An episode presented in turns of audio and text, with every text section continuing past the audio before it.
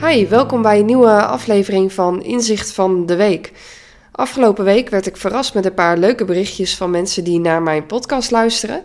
Hier word ik altijd erg blij van, dus mocht je twijfelen om mij een bericht te sturen, stop hier dan mee. Uh, maar laat vooral van je horen, vind ik erg leuk. Deze week werd me weer heel duidelijk dat hoogsensitieve mensen zoals ik een diepgaande verwerking hebben. Nu denk je misschien, huh, diepgaande verwerking, wat is dat? Nou, dat betekent dat je dingen intenser waarneemt. Je ziet details die andere mensen niet zien, of hebt bijvoorbeeld sneller door dat de moed van die ene collega niet zo goed is. Je pikt als hoogsensitief persoon meer informatie op, zowel bewust als onbewust. Zo zei ik laatst tegen een collega met wie ik training gaf: Had je niet gezien dat die ene deelnemer verkouden was? Dat bleek hij dus totaal niet door te hebben gehad. En als je denkt, nou, kan toeval zijn. Ik kan zo nog een paar van dit soort uh, voorbeelden noemen. Overigens is ook uit hersenonderzoek gebleken dat meer hersengebieden oplichten bij hoogsensitieve personen. Wordt ook wel eens een vergelijking gemaakt met een gereedschapskist. Als een hoogsensitief persoon iets doet, al is het heel simpel, dan pakt, de hele, dan pakt diegene de hele gereedschapskist erbij en niet één uh, element daaruit. Dat, dat kan simpelweg niet. Zo werkt het brein niet. Nou, terug naar de diepgaande verwerking. Je neemt als highly sensitive person, HSP, dus intenser waar.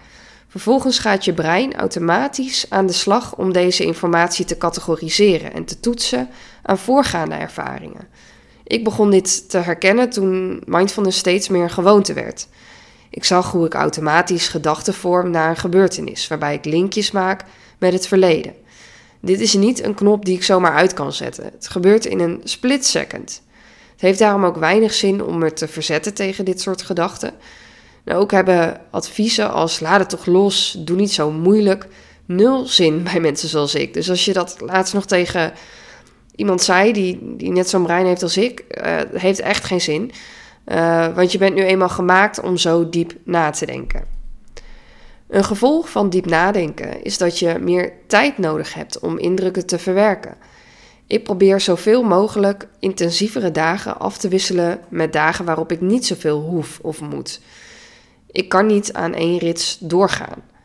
Als ik te veel doe, merk ik dat meestal als eerste aan mijn nachtrust. Naast verwerkingstijd heb ik meestal iets meer tijd nodig om beslissingen en keuzes te maken. Ik wil namelijk met de meest optimale oplossing komen door inzichten uit het verleden met elkaar te combineren.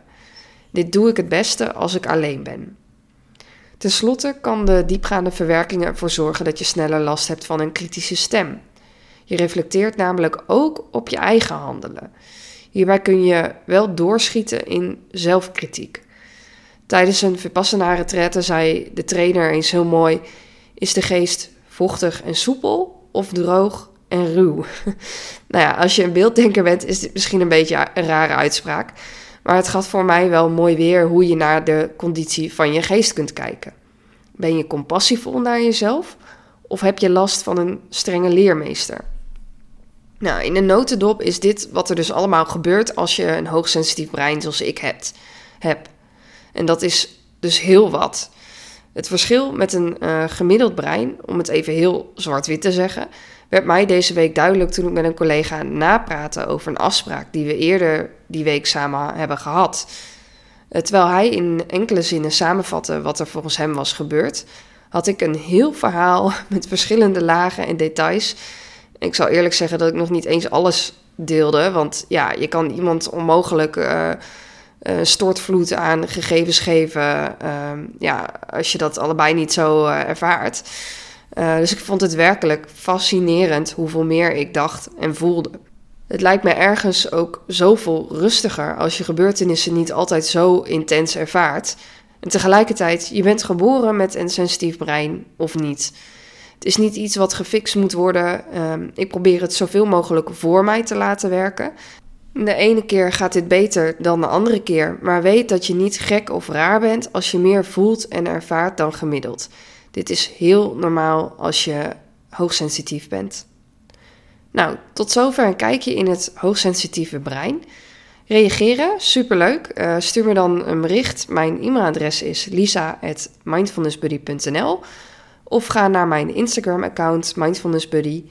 Uh, bovendien krijg je een gratis mini-gids uh, om te ontprikkelen als je je abonneert op mijn nieuwsbrief. Ga naar mindfulnessbuddy.nl slash nieuwsbrief of naar de link in de show notes. Bedankt voor het luisteren en ik wens je een hele fijne week.